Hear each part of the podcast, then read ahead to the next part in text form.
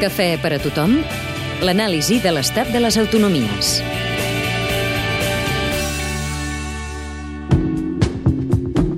Cantàbria.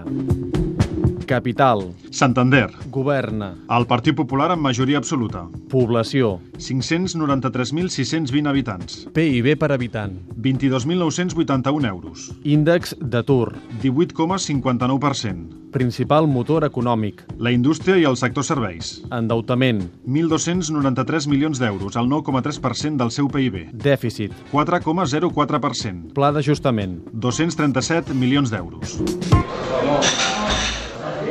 Hola, buenos días. Un café, por favor. Sí.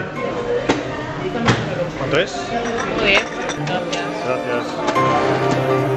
Cantàbria és la quarta regió de l'Estat amb més números vermells. Fa un any, quan els populars van arribar al govern de la comunitat, anunciaven que no quedava ni un euro i que anaven despullats.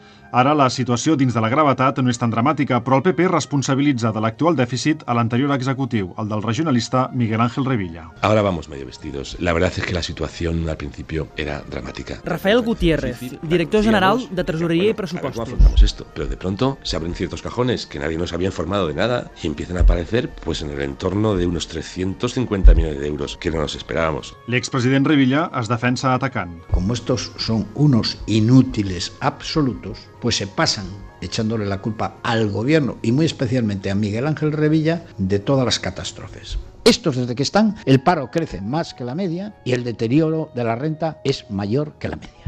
Les retallades s'obren pas entre les acusacions que es dediquen regionalistes i populars, retallades que passen per una disminució de l'administració pública. Restringir cualquier gasto de la administración al máximo. Llevamos sin reponer un solo funcionario desde hace dos años. Los que se jubilan son plazas vacantes que ni se presupuestan. Disminución de sueldos, congelación de sueldos. Los funcionarios tienen seguridad, pero van a ganar menos. I que també afecten a l'ensenyament i a la sanitat. El govern del PP intenta millorar la gestió en aquests àmbits. Els sindicats denuncien que Cantàbria és una de les comunitats autònomes més afectades per les retallades. Per a l'oposició, un exemple clar d'aquesta situació és la Pereda. Així es diu una residència d'avis situada a prop de la platja del Sardinero. L'executiu popular ha decidit tancar-la al·legant motius de seguretat.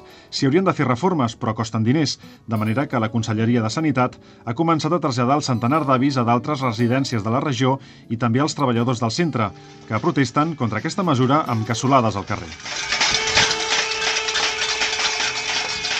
Àngel Quintana té 72 anys, és un dels avis de la Pereda i es nega a ser traslladat. La raó té nom de dona. Se llama Paquita. La conocí en el baile que los viernes hacen bailar y entonces yo cantaba en un coro y empezamos a bailar hasta hoy. Ahora no bailamos porque ella está muy mala. Estoy decidida a no irme. Y si ella quiere, yo no me marcho. No vol marxar perquè l'allunyen 50 quilòmetres de la seva parella, de la Paquita, que té 76 anys i pateix un càncer. Una revolta per amor que ha deixat descol·locat el govern de Cantàbria.